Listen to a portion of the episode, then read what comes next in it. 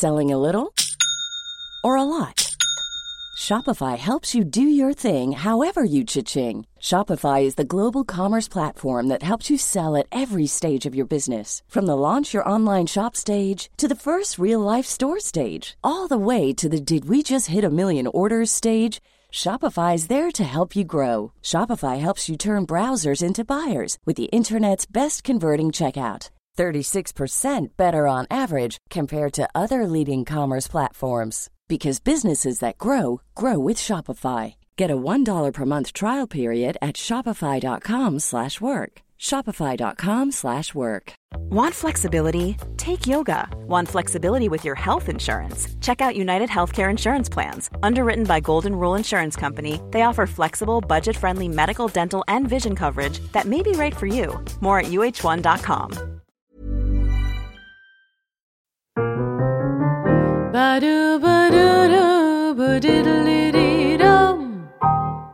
Kära lyssnare, kollegor, älskare och vänner. Här är jag, Aurora Brännström, direkt från Custom Music Productions. Det är Burlesque-podden och det är min vän och kollega Andreas Hedberg som står för ljud och redigering. Det här programmet så sitter jag här med en person som sa till mig att han har ungefär 50 olika alter egon. Kanske inte riktigt sant, men han gör en jäkla massa olika saker. Han heter Martin Lundström, aka Fakiren Ortae. Varmt välkommen hit. Tack så mycket Aurora. Ja, och det kan vi kanske avslöja då på en gång att vi är ju ganska nära vänner. Så att det här kanske blir jag hoppas att det ska bli professionellt men också lite M Mest internt. fnittrigt. Mest fnittrigt. Ja, det är bra. Nej men jag tycker att det är härligt för att nu känner ju jag i och för sig de flesta av mina gäster ganska väl. Sådär mer eller mindre. Men, men dig känner jag ju väl. Så att jag hoppas att det här ska bli liksom lite mer avslappnat för mig. Och att vi kan komma in på lite andra saker kanske mot ja, många andra. Det är bara att vi pratar på så ser vi var, var vi hamnar. Ja, ja, det är fint. Först och främst så skulle jag vilja veta lite mer, eller låta lyssnarna veta lite mer om dig och vad du gör. Så varsågod. Ja, jag jobbar ju eh, professionellt som artist, fakir, har gjort det sen, professionellt sedan 99. Jag räknade efter här för något tag sedan att jag har hållit på eh, på hobbybasis eller, eller överhuvudtaget sådär i runt 24 år. Ja. Jag börjar bli gammal. Nej, men så jag jobbar med sånt som att eh, sluka svärd, köra nålar i kroppen, hålla på med eld och äta glas och göra andra sådana där saker som ma- mamma säger att man inte får göra. Men, eh, och sen så, jag fotograferar också, fotograferar andra artister. Mest gör PR-material och sådär. Och, och så. Sen så, så har jag även en loppcirkus, fantastisk, under det, är ett annat alter ego, Conny the Conman. Så jag jobbar, ja, men jag jobbar mestadels som artist eller med artister på ett eller annat sätt. Kan man säga. Just det. Och gör sånt där som mamma inte tycker att man ska göra. Ja, precis. Spring inte med bestick i munnen och sånt där. Du vet. Var kommer det där ifrån, liksom, att du har velat göra det? Nej, men jag har väl eh, alltid gillat att stå på scenen och så. Jag började med lite amatörteater och så när jag var en 14 eh, 15 år. Har väl alltid varit lite så här, men du vet klassens clown. Man har varit lite eh, ja, mobbad är väl svårt, eller lite hårt ord kanske, men lite utsatt sådär. Men eh, ungar är elaka och eh, man använder sig väl av olika tekniker för att värja sig. Och i mitt, mitt fall så blev det väl någon form av eh, humor eller, eh, eh, eller spela apa som blev den grejen. Så på ett eller annat sätt så ska man överleva också. Ja. ja, just det. Och sen har du bara fortsatt med det. Sen har, jag bara, sen har jag bara fortsatt med det. Och nu överlever jag på det på ett annat sätt. Nu Ja. får jag pengar för det. Just det. Eh, typ. Ja. Men är det liksom lustfyllt för dig att sluka svärd till exempel och spela den där apan? ja, jo men absolut. Nu, det är på ett helt, helt annat sätt nu. Nu är det ju kopplat till eh, både yrkesliv och eh, någon, form, någon form av utlevnad eller mm. få, få utlopp för sina kreativa idéer och sådär. Men ja, det är lustfyllt, men kanske inte just själva om man tänker fakirbiten, att det är inte själva smärtan i sig som är den stora grejen, utan smärtan när jag kör nålar i armarna och, och håller på, det är ju bara, eller det är mer som ett verktyg för att kunna bygga en en bra show. Eller, och kunna, smärtan är också ett verktyg för att se, känna efter så att jag gör rätt, så att jag inte gör fel, så att jag inte gör illa mig på, på fel sätt. Då. Men absolut, lustfyllt är det. Jag tycker om att synas när jag står på scenen. Ja. Vad, vad är det för sammanhang du uppträder i? Alla möjliga. Det är, jag uppträder alltifrån barnkalas till eh, till för stora firmafester och tv-sammanhang. Nej, men det, är alltså, de det mesta är ju egentligen event. Jag vänder mig mot företag, eh, stadsfester och, och sådär. Men, men det är också, jag, jag möter alla sorters människor, alla sorters eh, tillställningar. Jag är väl rätt privilegierad på det sättet att jag får se alla sidor av av samhället eller så, samhällsklasser och hit och dit. Nej, jag vet inte. Men visst är det så att du gör ju både liksom shower och, och mer så här där du connectar med publiken väldigt nära. Liksom. Jag, jag har hört att du eh, gör så här lite gatushower och sånt till exempel. Ja, absolut. Jag har kört, eh, jag började faktiskt, det var det första jag gjorde, det var att börja köra gatushower. Och jag sög på det, jag var fruktansvärt dålig. Eh, och sen så hoppade jag över att börja med på scenen, eller jag jobbade med scenföreställningar och det var jag också skitdålig på. Men det, det, det, jag var dålig i tio år, minst var jag jättedålig. Men man blir bättre. Och sen så började jag känna kanske då när det hade gått en 20 år att det började bli lite tradigt med scenen. Liksom jag, började, jag började liksom inte hitta det, det var inte lika lustfyllt. Det Nej. blev inte lika kul. Jag behövde utveckla och så kände jag väl liksom att jag, det finns, jag känner otroligt duktiga gatuartister som är helt fantastiska där ute. Som, som jag började prata med och tyckte att jag absolut skulle gå ut och prova att köra gata. För då, det är en helt ny grej. Och så gjorde jag det och det var, det var som att få ett slag i ansiktet Nej. flera gånger. Alltså, jag, det kände jag mig som en nybörjare igen och det var så jäkla skönt att komma ut och få verkligen tänka igenom vad är det jag säger, vad är det jag gör. Så jag, för första gången i den vevan också så började jag skriva ett manus, eller snarare skriva, skriva ner det jag gjorde på scenen. Samtidigt som jag plockade upp saker från gat, gatan och sen så blev det Ja, det blev en nytändning.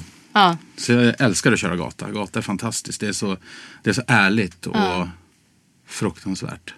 Ja, men jag tänker just där att du kommer med så nära din publik. Ja, verkligen. liksom. Så är det ju.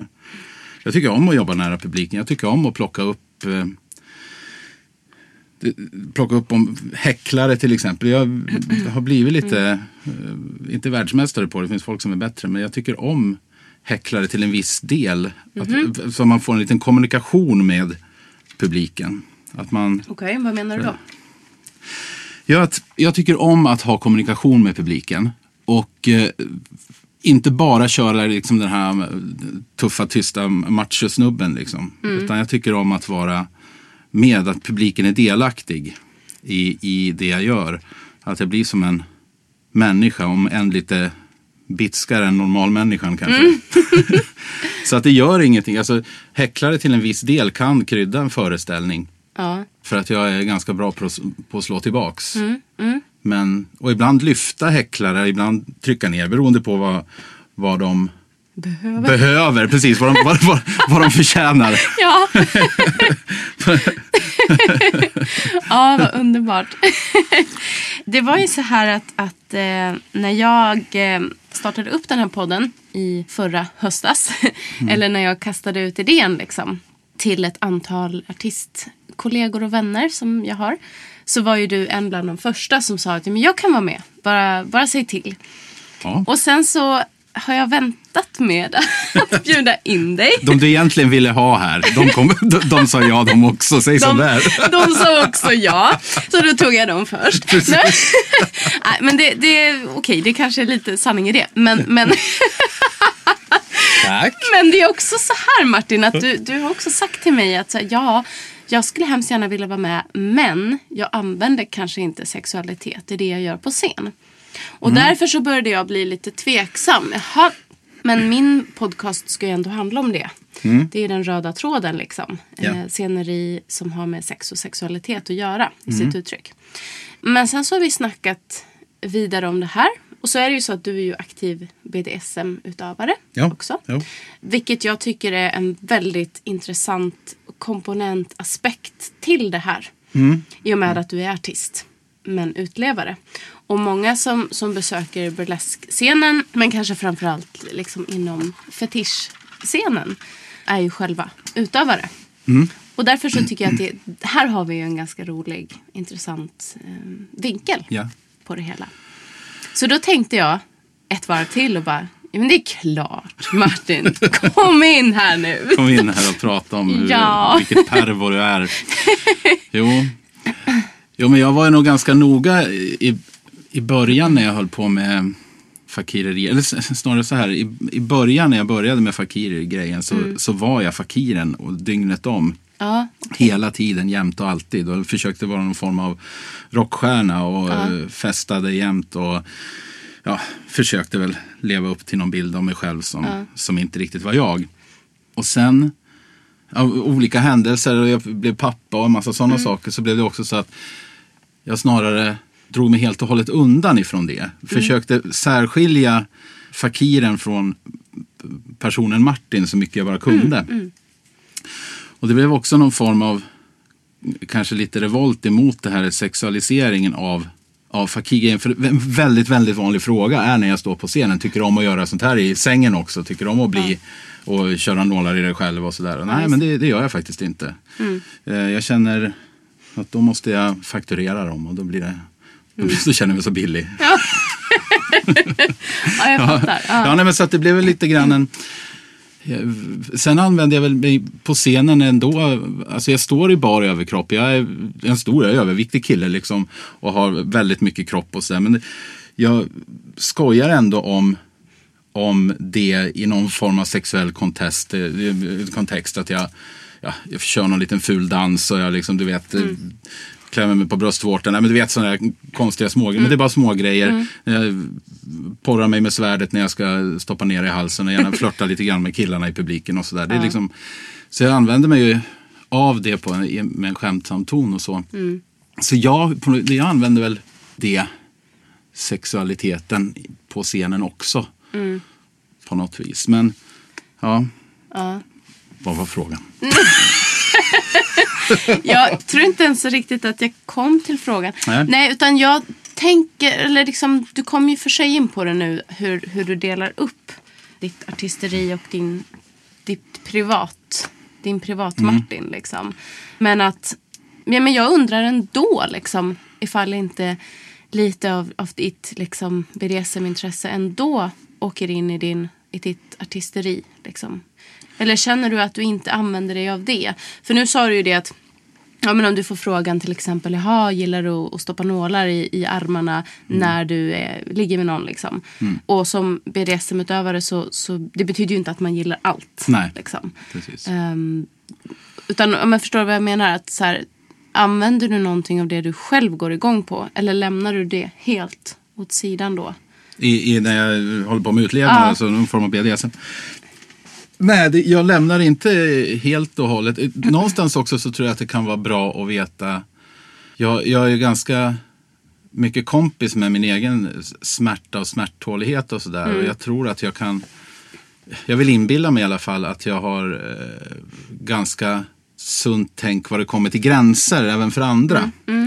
Eh, att jag känner att det, BDSM handlar liksom inte att, om att slå till eh, armen gör ont. Liksom, Nej. utan det handlar om att njutning och tillit och de sakerna. Jag tror att jag, i och med att jag vet var mina egna gränser går när det kommer till smärta så kan jag också förstå en mottagare också på något vis. Nej, jag vet inte. Det, jag, har inte, jag har inte tänkt så jättemycket. Det är bra att du frågar, så nu får jag tänka igenom det här. Så då, då vet jag kanske vad fan jag håller på med. Ja. och du får också säga till sen. Nej men Aurora, nu, nu går du in lite för... Jag är inte så blyg. Nej, det är inte mitt intryck av dig. ja, nej men det är ändå intressant liksom att höra lite ja, men kring det här bakom artisteriet. Liksom. Nu vet ju jag att, att många som är eh, artister inom burlesk och så här, det är typ lika vanligt att man är utlevare själv sexuellt som att inte vara det. Eh, det är lika vanligt att liksom använda sitt eget, sin egen sexualitet på scen som att leka med någonting annat utifrån. Liksom. Jo men alltså det kan ju också vara eh, just som i burlesksvängen eller artistsvängen att det kan ju också vara en sätt att det kan vara ens utlevnad. Just helt, helt och hållet. Ja. Att man, man behöver den kicken för sig själv. Eller, ja, men att det- också ge- ges, ger någon form, form av samma eufori. Som att eh, hålla på med vilken annan sorts utlevnad som helst det. egentligen. Eller eufori eller trygghet eller vad Ja, man nu vill uppnå ja. för någonting. Då. Mm, Just det. Jag, jag tänkte säga det också så här. Nu är ju vi så vana med att prata just kring begreppet utlevnad. Ja. Det, det är ju väldigt luddigt tänker jag. Lite svårgreppbart Mm. kanske om man inte håller på med det. Men, men hur skulle du förklara ordet utlevnad? För någon som inte visste. ja, kan, kan du ge mig lite, lite stödord här? ja, Nej ja, men liksom, för jag menar man kan ju, för när vi pratar om det i den här kontexten Mm. så tänker jag att det handlar om sex. Ja, Eh, men så säger du att man kan få utlopp för det som att liksom, även om du inte är utlevare. Och vad är då utlevare liksom? Mm. Ja, men precis. Utlevnad behöver absolut inte vara någon, eh, någon form av penetrationssex. Eller någonting. Det, behöver inte, det behöver inte ens vara förknippat helt och hållet med sex. Eh, Det kan också bara vara att sätta sig själv i ett, ett, ett tillstånd eller eh, där, där du känner trygghet eller eh, få en liten, kanske en undanflykt ifrån världen. Som, som, att, som att gå på bio fast med lite mer action. ja. Eller något. Nej, men det är en, en flykt eller en... eh, Ja, Hänge sig åt någonting hänge kanske? Ja, hänge sig. Precis, snarare Ja, ja. mer än en flykt faktiskt. Väldigt mycket mer än en flykt så är det att hänge sig åt det man själv vill vara Mm. eller uppnå. För jag, jag kan säga som jag tänker då. Ja, att nej men så här, utlevnad för mig, det har med sex att göra. Mm. Att jag ska känna mig så här, fri och hängiven min lust. Mm. Typ. Och att så här, men då, det kan ju ske när jag står på scen. Mm. Då, då, och när jag sjunger. Det är inte liksom så att jag möjligt så här, måste känna mig... Eller liksom, min intention måste inte vara så här, nu går jag upp och är sexig. Men det kan, det kan kännas sexigt att få vara i det här ruset som man hamnar i när man står på scen. Och liksom, ja, men och att det kan vara lite samma sak som att gå på en klubb och få lov att gå runt och vara iklädd korsett till exempel och pasties och strumpbyxor och höga klackar och bara känna sig så awesome och snygg och sexig liksom. Som att träffa någon privat och liksom, ja men verkligen ha sex då. Verkligen, och det där, det där tycker jag är också en sån fin grej också i BDSM-kulturen också. Mm. Att jag som, eh, om man ska säga till något normativt begrepp, inte kanske har liksom den sexigaste kroppen. eh, Sådär. Äsch. ja.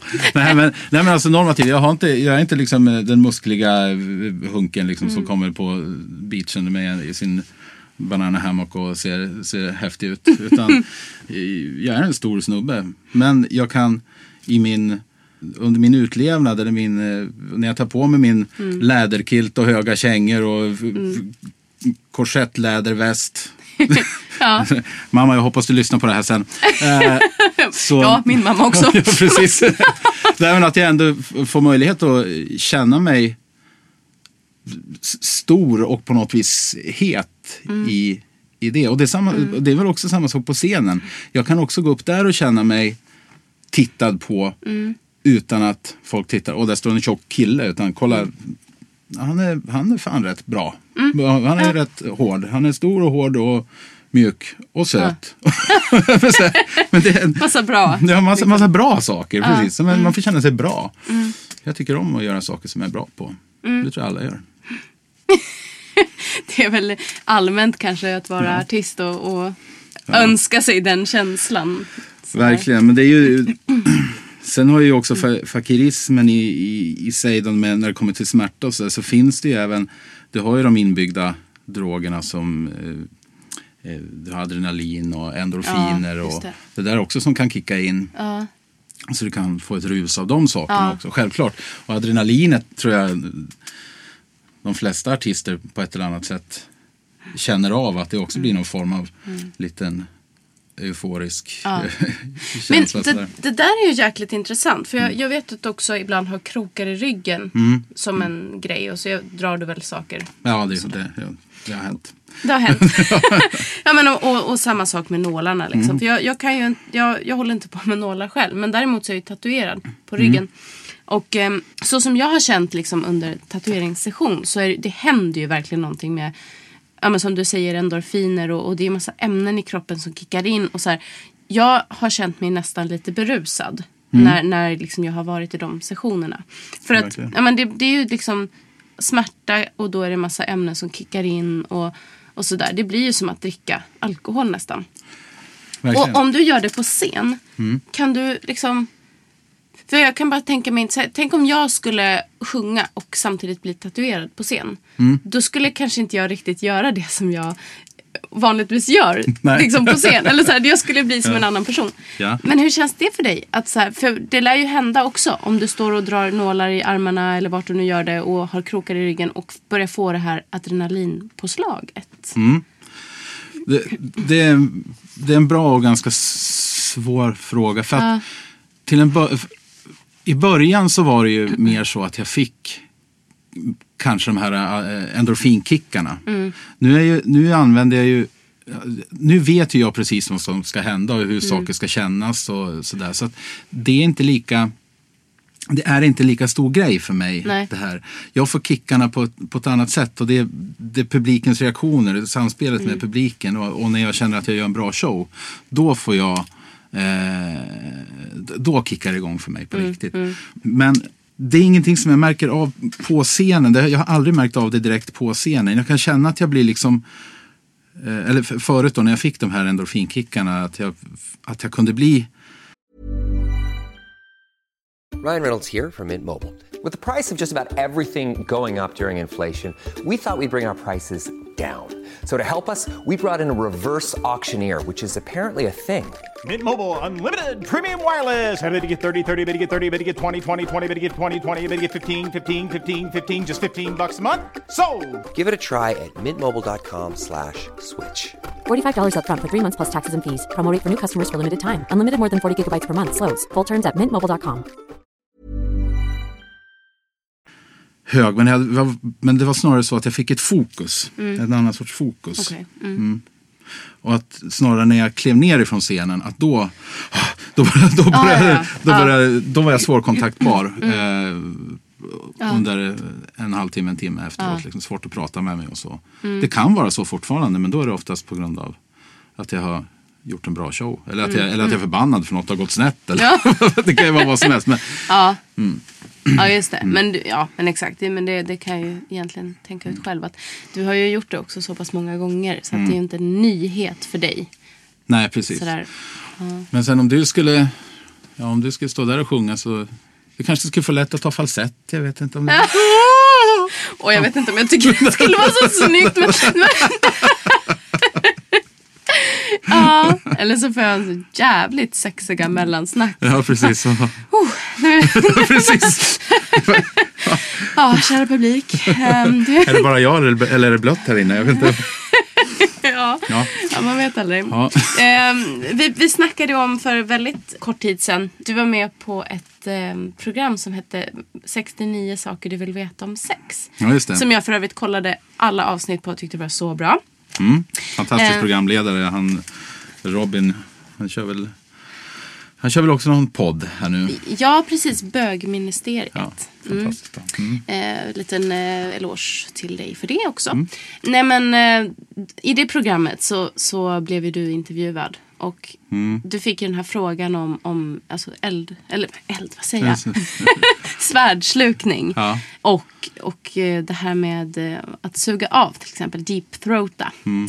Där du gav ett väldigt bra svar tycker jag. Vi kan dra dig. det igen. Nej, men jag var ju med där i egenskap av eh, att vara expert på att suga kuk av någon anledning. Eh, Och det är för att ja, de pratar om kvällreflexer eh, och hur Just man det. skulle träna bort kvällreflexen. Ja. Min, jag, var, jag var med där i egenskap av att eh, vara expert på att suga kuk av någon anledning och jag vet inte Mm. riktigt varför. Men det- handlar ju om att få bort kvällreflexerna. Ja. Och frågan jag ställde där eh, bland annat var varför ska du lära dig att bli av med kvällreflexen? Är det för att du själv vill det eller för att någon annan vill det? Ja. Det ska du fundera på. För att det tar mellan tre och sju år att lära sig att sluka svärd. Mm. Men det tar ungefär en halvtimme att dumpa en snubbe. Så det var kanske det svaret du var ute Ja, efter? ja. men det var det där. Precis, Ja, jag, jag tänkte ja. försöka komma ifrån det till eh, klubbkultur också. Mm. Eh, vilket är också en, en ganska stor och väsentlig del i det som burlesk och fetisch scenkonst handlar om. Och Mm. även dragshow, tänker jag. Det är klubbkultur. Och som BDSM-utlevare så går man ju generellt sett också på en del klubbar. Det blir ju så, i alla fall om man känner sig som en del av communityt. Sådär. Ja. Och i klubbkulturen vad gäller den här scenen så är det ju väldigt viktigt med eh, safe, sane, consensual. Alltså att det är säkert. Att Ja. det är nyktert, man säger. Alltså nyktert, man vet vad man gör. Och att det är eh, med samtycke.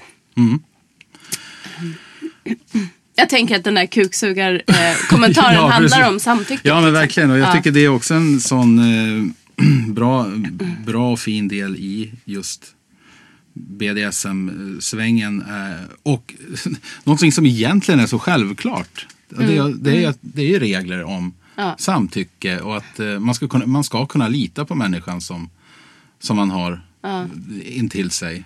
Mm. Som man har nära sig. Och det, det gäller ju överallt. Men Mm. i just eh, klubbkulturen och så, så är reglerna, det är väldigt tydligt. Det, det, det ska bara vara så. Ehm, För jag tänker också som, eh, men som du också nämnde att så här, du som fakir Mm. kanske blir sexualiserad från olika håll. Just på grund av att du slukar svärd och, Mm. och liksom gör saker som folk förknippar med sex. Mm. Då. Eh, men att det, på något sätt det här svaret Mm. det, det, det ger ju en sån tydlig bild av att så här, ja men jag jag är ganska, eller så här, om jag säger att du är, är jag. ja, det, det får vara jag. ja, om jag är du. Ja. Så, så är det liksom så här, men jag är en person som har tänkt igenom de här prylarna. Mm. Jag är en person som har varit i sammanhang där jag förstår att, att jag liksom, den frågan du ställer är egentligen lite fel vriden. Eller sådär. Ja. Och, och då tycker jag att det är intressant att prata klubbkultur och samtycke. Och, Absolut. ja, vad, det, vad det är för atmosfär som, som människor också får uppleva som kommer och, och tittar på burlesk eller på fetischscenkonst eller i vissa fall kanske också det du gör på en del scener i alla fall. Absolut. Och att, Men det är också så, jag, jag uppträder väldigt, väldigt sällan på just fetischscen eller, eh, eller i, ja, såna, ja, i sådana sammanhang. I burlesk och faktiskt. Utan jag, jag har tagit ut till ett mer allmänt utrymme. Och det är, det är konstigt och kul, det är jävligt roligt. Och det är också, om man ska vara rent krass så är det där också pengarna finns. Ja, Eh, just det. Faktiskt. Pengar finns tyvärr inte i, inom fetisch och burlesk. Nej. Och det tycker jag är väldigt, väldigt tråkigt. Man ser fantastiska akter som gör fantastiska saker men är någonstans, det känns nästan som att man är inskuffad till att vara ja, i, i slutna rum där det inte, man får inte liksom komma ut och verkligen få ja, betalt faktiskt för, sina, för det man gör. nej men jag, jag vet. Ja, precis. Att det- Ja, då måste man ju uppträda på konferenser. Ja, det är- och- exakt. Ja, precis. Och jag är ju, jag vet inte, hoppas väl kunna få vara en del av dem som banar väg för er att komma ut dit. nej, nej, jag ska Ja. gå, gå, nej, absolut inte. Jag kommer ifrån ämnet totalt, förlåt. Det var bara... Jag, jag har den förmågan, jag försvinner. Ja, du kollade bort mig lite också. Ja, ja förlåt. Men, det, men vi, som tur är så är vi här och bara pratar. Så Ja, ja. nej men det är ingen fara. Det, det händer mig titt som tätt att jag blir bortkollrad. Mm. Ja. Så det, någon gång så hittar vi tillbaka tror jag. Eller så försökte jag bara, eh, så fattade jag inte vad du menade och så försökte jag bara svara på någonting jag inte har någon aning om. Det så är det typiskt mig. Ja, men jag tänker så här då. Eh, för då, då lär ju du också kanske märka att, att det du kommer ifrån privat. Mm. Och sen att du gör vissa saker för en publik som inte är van att uppleva Mm. det. Att det kanske krockar lite där. Liksom att de sexualiserar dig ibland på ett sätt som för dig liksom blir lite från en annan värld om man säger så. Mm. Eller du kanske inte råkar ut för det som Ja, men det, alltså, det händer ju. Absolut, det händer väl. Men jag, jag leker väl med det lite grann. Jag leker väl med det, det utmanande och folks eh, fördomar lite grann. Och sådär. Jag tycker väldigt mycket om att leka med just fördomarna, man tänker runt en fakir. Att ofta Mm. tänker de, anting- antingen så tänker de någon snubbe med turban som sitter på glas någonstans eller ligger på en spikmatta. Eller så tänker de en jävla machosnubbe som kör, kör eh, metal hela vägen och blöder överallt. Jag tycker om att leka med den macho-attityden. Jag, jag brukar börja mina shower så att jag är väldigt macho. Men okej. sen övergår jag till att vara bara ett stort leende. Eh, och en mer eller mindre vanlig människa. Och ja, som står där i bara överkropp och, och gör, gör mina konstiga grejer. Och flörtar med folk liksom, på något vis. Hur hanterar du publik eh, med barn? tänker jag? Du sa att du uppträder också på, på kalas och sådär. Använder du den här machosnubben då Ja. också? Eller? Ja, det är skitkul att köra för eh, barn eh, på familjedagar. Det är det bästa som finns. För att jag pratar väldigt mycket med barnen. Ja. Jag pratar med de vuxna via barnen. Eller jag, jag, säger, jag drar ganska mycket, jag är ganska ful i käften på ett eller annat sätt. Alltså jag, som till exempel ett, ett av mina favoritskämt. Är ju, jag kör kondomtricket där jag kör in en kondom genom näsan och ut genom munnen. Och så tar jag upp en kondom och så frågar jag, så här, barn, vet ni vad det här är? Nej, det visste inte mamma och pappa heller. Säger jag. och så, så blir det ett... eh, ja. Barnen förstår inte och de vuxna säger bu. och jag säger haha. Du drog ett skämt för dig själv. Ja, Liksom. ja, nej, men det, jag jobbar ganska mycket så jag är lite, jag är väl lite, lite fräck sådär. Ja. Ja. Men då, då, då antar jag att det liksom, eftersom du har gjort det ganska mycket, att det också går hem hos Ja, barnen. det går hem hos, ja, det, det är Ja. absolut ingen fara. Jag tycker väldigt mycket om att köra för familjer. Bara barn Mm. är svårt. Mhm. Men när det är vuxna, vuxna med så eh, kör jag gärna. Men då, folk ska också vara medvetna om att det är ju, jag gör ju saker som, som inte kanske passar att barn ska prova hemma. Så jag, jag skojar väldigt mycket om det. Att prova inte det här hemma utan prova det utomhus när inte mamma och pappa ser. Och, Just det. och, eh, och sådana saker. Då. Att, eh, blir det för läskigt barn så ta era händer och sätt framför ögonen på mamma och pappa annars så kommer de att bära er härifrån. Och sånt. Ja, det är bra. Mm. Ja, men det är ju liksom Men, bra. eh, Då connectar du med barnens... Ja, absolut. Vi brukar, och sen så eh, tycker jag också det är viktigt att det, har jag kört där det finns Mm. barn med så tycker jag också att det är viktigt att jag får tid och möjlighet att stanna efteråt så att barn kan komma fram och Mm. prata med mig och kolla. Så dels, ja, ställa alla frågor som barn har. Mm, För de har, de har hundratals frågor och ibland väldigt smarta frågor. Och, eh, och se också att då- får jag möjlighet då också. Just det. Ja, Får, får du, jag tänker att det, det måste vara många barn som tycker att det är coolt, många av de här grejerna du gör. Liksom, som Mm. kanske vill eh, göra det själva eller som kanske ser dig som lite av en förebild eller idol. Jo, eller? men ba barn är ofta smartare än vad man tror. Det, Mm. Så är det. De, de har... eh, De känner, det, det finns vissa saker som jag, som jag inte gör framför barn. Jag brukar, inte, jag brukar inte ha till exempel luftgevär. Och så jag tänker inte om att när man kör, jag brukar bli skjuten med luftgevär normalt sett med Ah, okej. pilar i ryggen och sådär. Men eh, när det är barn med så vill jag inte ha vapen. Och det är väl bara någon sån där grej som jag har för mig själv. Mm, Och, det kan väl vara klokt. och sen saker som, som kan gå fort och fel. Men de flesta grejerna jag gör är sådana som man känner direkt att nej, men det här är inte bra. Det här, kommer, det här gör ont. Det här vill jag inte göra. Så, att, så om ungarna börjar där med att försöka sticka sig med något så känner de att det är ont. Så att jag skiter i det här. Liksom. Nu har vi pratat väldigt mycket om dig som fakir. Men den här andra saken du gör med lopporna. om du Con. Conny's Amazing Flea Circus. Ja, vad är det? ja, det är den bästa loppcirkusföreställningen norr om Sydpolen, söder om Nordpolen och på polerna. Okej. Ja, visst, Ja. visst är det. Ja, Wow. oj, oj.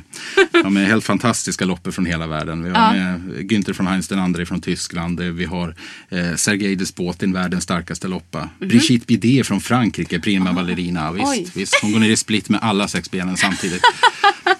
Hon kör, kör även en liten strip fleece show i sideshow-tältet efteråt. För, ja, det var väldigt så, här, lyssna Mm. människor i publiken då. Va? Vad är det hon strippar av då liksom? Ja, det, det, det, det, kan du få komma och se. Om du betalar bra så kan du få en privat show. Så det. Nej, men det är en, eh, jag har en eh, fantastisk eh, loppcirkus. Jag har byggt eh, tre stycken loppcirkusar. Jag använder två av dem. En som är ambulerande. Jag kan ha den på magen som en sån korvgubbe. Fast jag, har en loppcirkus så går jag och kör föreställningar för folk. Och sen så har jag en stationär då som, ja, som är lite större. Som, Och det är en show som håller på ungefär en kvart och så kör jag tio personer åt gången och så, så ut med dem och så nästa gäng Ja. in och så kör jag på. Och så snackar jag skit 99 procent av tiden och så händer det, händer det saker. det, är, det är svårt att förklara, det är sådär man måste se. Men det är, Ja. det, är, det är jävligt roligt att köra. För det är mycket Mm. snack och det är väldigt, eh, väldigt kul sätt att komma nära publiken. Mm. Publiken är så pass nära också. Så att, Men där kan jag säga, det finns, det, det, är inte en sexy show. Nej, Ingenstans är trots att den här lilla, vad hette hon, Brigitte? Brigitte Vidé, ja nej, precis. Nej, men det är ju sideshow-tältet. va, Så att det, då börjar vi komma in på de lite mörkare sidorna. Ja, jag förstår. Åh, lite strippande loppar. Ja. Väldigt burleskt. Mycket. Ja, men eh, tycker du, för jag vet inte ens om du vill reveala det, men du har ju gjort lite stand-up också. Ja, ja, det, ja men absolut. Ja, Eller du har börjat prova på det i alla fall. Jag började prova på lite grann. Det var, Mm. Och det var läskigt. Det är också så, jag, jag står väl någonstans i startgroparna för att göra en, en lite längre show, kanske uppåt Mm. en timme med, med eh, alla mina konstiga karaktärer och Ja. vad jag nu har för någonting. Och, och, och då tänkte jag att då måste jag ju också prova att gå upp att bara vara rolig och bara vara jag. Ja. Och det var svårt. Fan vad svårt det är. alltså gå upp och... Jag har ju alltid någonstans med mig ett gäng verktyg eller saker som... Ett, ett gäng konster som jag kan göra som får folk att hålla käften. Men om, och bara gå upp och ställa sig och, och, och bara vara jag. Så jag pratade ingenting om fakiren, jag pratade ingenting om det övriga artisteriet. Utan mest pratade jag faktiskt om min släkt. Det, det är en outtömlig källa, källa av konstigheter i den. Så att, eh, nej, men det var väldigt, väldigt, väldigt roligt. Väldigt roligt. Ja. Och ehm, en stark kontrast också till det du berättade tidigare om att du från början var liksom så väldigt mycket fakiren och eh, liksom levde, levde ut det. Precis. Mm, Till att ställa dig och vara Martin. Då- Hade du gjort det innan ehm, det här stand-up grejen? Hade du, hade du någonsin ställt dig på en scen och varit Martin? Nej, Nej. nej. Ja. Ingenting. Hade en kort, eh, kort sån här grej i, i politiken. Jag var ledamot för ett, eh, eller ja, inte ledamot, men lokal, lokalpolitiker. Och försökte gå upp och ställa mig i talarstolen någon gång och prata Mm. om det. Och det var fruktansvärt. Okej. Det var jättekonstigt var det. För där, inte heller några verktyg, ingenting, ingen karaktär att luta mig mot. Ingenting så så det, det var det närmaste jag kunde komma det. Men, eh, och sen, och sen så, ja sen den här stand-up-grejen då. Helt fruktansvärt. Jag var så jävla rädd. Och jag, och jag, är- jag är aldrig nervös nu för tiden Nej, annars. nej. I min, jag har inte varit nervös på 15 år. Eh, Men där var det, stand-upen var fruktansvärd. Det var inte ens bara lite. Nej, det var, frukt, det var, det var helt hemskt. Det, ja. Men det gick bra. Det var kul. Så att, eh, jag fick efter första jag körde på Big Ben. Alla startar på Big Ben i Stockholm. Det man får fem minuter där så kör man. Och så. Ja, ja. Men sen fick jag faktiskt 15 minuter direkt som andra gig på en riktig standup-klubb i Gävle på Gasta. Ja, Så jag skulle gå köra 15 minuter. det var, så här, okej, ja men vad fan. Ja, det är kanske ganska länge. Det är länge. Det är jättelänge. Så att, eh, men det gick. Jag tog mig igenom det också. Så det var, det var nyttigt. Det var väldigt Mm. nyttigt.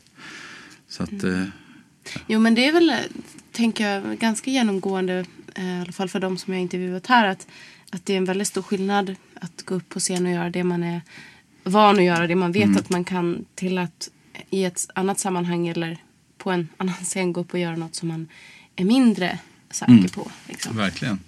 Det kan jag nog känna själv också. Jag skulle ju inte gå upp på scen och spela fiol till exempel. Och definitivt inte idag när jag inte har spelat på väldigt länge. Men alltså jag har ju gjort det. Och jag har ju tyckt att det har varit skitjobbigt liksom, som yngre. Idag skulle jag... Jag skulle inte ens göra det. Alltså, jag kan Nej. inte ens tänka mig att göra det. Nej.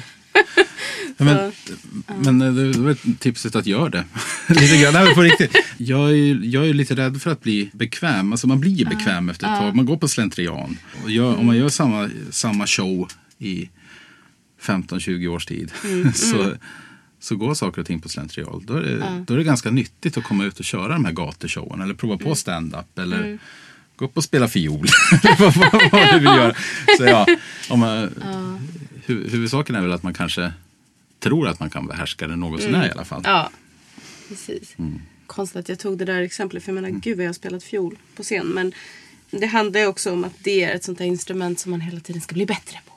Och liksom vid min ålder så borde jag ju ha liksom kommit lite längre. om jag spelar idag så är jag liksom på samma nivå som när jag var 15. Ja. Så, ja.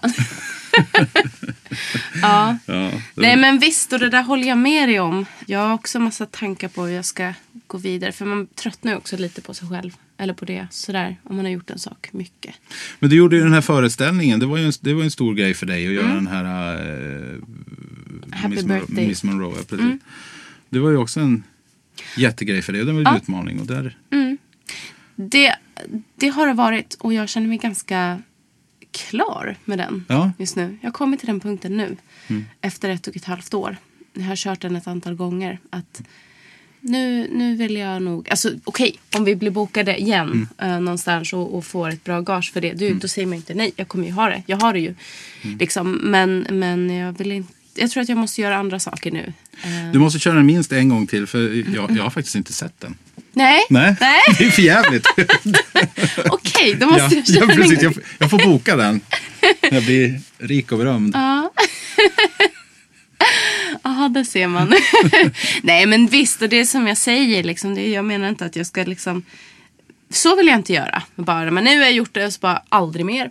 Men däremot så, så känner jag att jag behöver gå vidare och liksom hitta på andra saker. Lite som du berättade med när du gick ut på gatan och körde. Liksom. För jag tänker, det, så kanske du också menar då att, att en sån pryl kan göra att man vill gå tillbaka till sitt gamla projekt igen. Du kan, och, komma in, du kan komma in i det med en annan, en annan syn på det, en annan Mm. vinkel. eh, Angripa eh, saker. Så Jag har aldrig varit så kvick i huvudet på scen som när jag kom in och hade- hade kört gata en säsong. För att där är du tvungen att plocka upp saker hela tiden. Ja. Det är verkligen så. Det Just går det. inte att köra på gamla stagnerade lines Nej, som man har. nej. Utan då är det bara, okej, ja, Ja, det är hårt. Ja, då får jag vara hård jag med. Ja, just det. Mm. Ja, för du måste ju ha fått med en helt annan erfarenhet av ja, men, att handskas med publik Verkligen. För det, där är det på gatan är det så att är du inte bra så går de. Ja. Det, så, så enkelt är det. Ja. Mm. De, de går och de betalar inte. Så då är det bara, okej, ja, men jag var inte bra. man är så bortskämd när man kliver på scenen. Det är så bortskämd. Och publiken är samlad där. Mm. De har sina sittplatser. Du behöver liksom inte kämpa för att få dem dit. Du Nej. behöver inte kämpa för dem, för dem att stanna kvar. Det, det värsta som kan hända är att ja, du blir inte bokad igen. men publiken reser sig oftast inte och går i alla fall. Nej. Det har väl hänt, herregud, det händer väl nästan varje show jag kör att någon går eller svimmar eller försvinner sådär på ett eller annat sätt. Men Svimmar de? det, det händer ibland. Nej. Vet de inte vad de har gett sig in på? Då? Inte alla. Nej. Ibland så är det så här företagsfester, du vet, där jag har blivit bokad och så ska jag vara hemlig. Så att eh, det är bara några få som vet vad det är som dyker upp. Så dyker jag upp. Så det har väl hänt att folk har droppat av. Ja, ja, det händer ju burleskartister också, Ja. vad jag har förstått. Eller dragartister. Att folk blir lite chockade ibland Mm. i vissa kontexter. Liksom. Verkligen. Ehm, Ja, det. nu blev det naket. Ja, Det var vi inte beredda på. folk är så, folk är så lätt stötta så. Ja, Men det- och det är lätt att... Jag, jag tycker att... eh, Och det är ju lite synd liksom att ja, men då burlesken och, och omkringliggande konstarter är i den här bubblan. Och lite det här prat, du pratar om liksom att, att det inte finns några pengar där. Och det är ju för att det är ganska slutet. Eh, Men vilket också gör att är man i den här bubblan så börjar man tro att hela samhället tänker så här ungefär. Ja, så typ, ja men alla är väl öppna för att det blir lite naket ibland. Alla tar väl den här humorn eh, med en klackspark sådär. Och Det, så, ja. det är jätteintressant det där tycker jag. Mm. För att jag, har också, jag lever ju också i någon form, ja, du vet, i, i en bubbla. Jag tror, Mm. jag tror ju i och med att jag träffar så mycket folk när jag är ute och sådär. Jag träffar alla möjliga sorters eh, människor. Så, Mm. så, eh, så tror jag att jag är väldigt öppen för alla och allting sådär. Eller, eller, eller snar- snarare att jag tror att jag vet, mer- vet mer än vad jag vet. Okej, ja. Och det också i, men det blir också som, som i BDSM-världen så är ju folk också så oftast så väldigt öppna inom den, den kretsen. Så att det är aldrig något problem att prata om sex eller prata om Nej. whatever liksom. Men sen är det faktiskt en ganska stor värld där ute som tycker att det här är skitkonstigt. Ja. Som är, tycker att det här verkligen är det dummaste de har hört i Mm. hela sitt liv. Och det är en ganska stor del av befolkningen. Mm. Och det glömmer jag bort ibland. Ja. ja. Så är det. Precis, nej, men det är det jag menar. Mm. Liksom. Och där kanske man inte blir så öppen i mötet med någon som tycker så. Fast jag, jag, jag har väl kommit lite grann dit att jag skiter lite i vilket. Mm. Det är inte så att jag sätter mig på en middag med okända människor och börjar prata sex det första jag gör. Det, Nej. Eller jo, för nej, det, nej, det, händer, Nej. men inte. Ja, men alltså det, På ett eller annat sätt så brukar det alltid komma in på att man börjar ja, folk frågar vad man jobbar med. Så är det alltid. Ja. Ja. men jag jobbar som fakir. Oj, oj, oj. Och så kommer man in på det här. Gillar, gillar att göra det i sängen också? Och så vidare. Och så Ja, ja. vidare. Och så, sen så hamnar man nästan alltid i... Så, Mm. Och så tycker folk att man är lite grann dum i huvudet. Eller, eller väldigt underlig. eller, eller jättehäftig. Eller, men Mm. jag är lite... Sanningen ska fram så är jag lite less på att prata om fakirer när man är ute bland nytt folk. Ja, Jag brukar, jag jag brukar, nu för tiden brukar jag säga att jag jobbar som fotograf. För jag gör ju det ja. också. Ja, ja just det. Eh, det blir så mycket lättare. Ja. Ja. För jag är intresserad av andra människor också. Jag är inte bara intresserad av mig själv, även om jag pratar en massa nu. Men nu handlar den här showen om mig, idag. Ja, det gör ju det. Yes! Så nu, nu, på jävlar. nu. Ja! Nu, nu slutar vi prata om dig Aurora. Nu bara jag. Jag, jag, jag. Ja.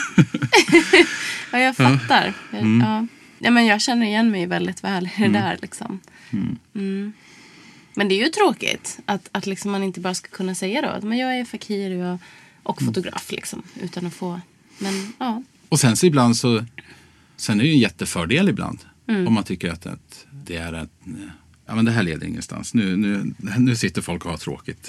Så, ja, nej, men jag jobbar som fakir. Så, bara, Ja, ja, Då, det, så, det- det, kan vara så här, ja. för att få igång andra och börja prata också. Det är sant faktiskt. Men det, det är också lite grann, ska det vara mitt ansvar att, Ja. att få igång Ja, precis. Jag tycker det kan vara kul till en viss del. Men Mm. sen kan jag också bli lite förlägen om att så här, ifall det blir att, att, hela, att jag blir i hela fokus liksom, Mm. för ett samtal. Då kan jag börja känna, men nej, men åh, snälla rara. Så kan, kan vi prata om Precis. någonting annat nu än att jag står på scen liksom. Ja. Eh, Jag gör det och det är kul, men det är liksom inte eh, så Nej. otroligt. Liksom.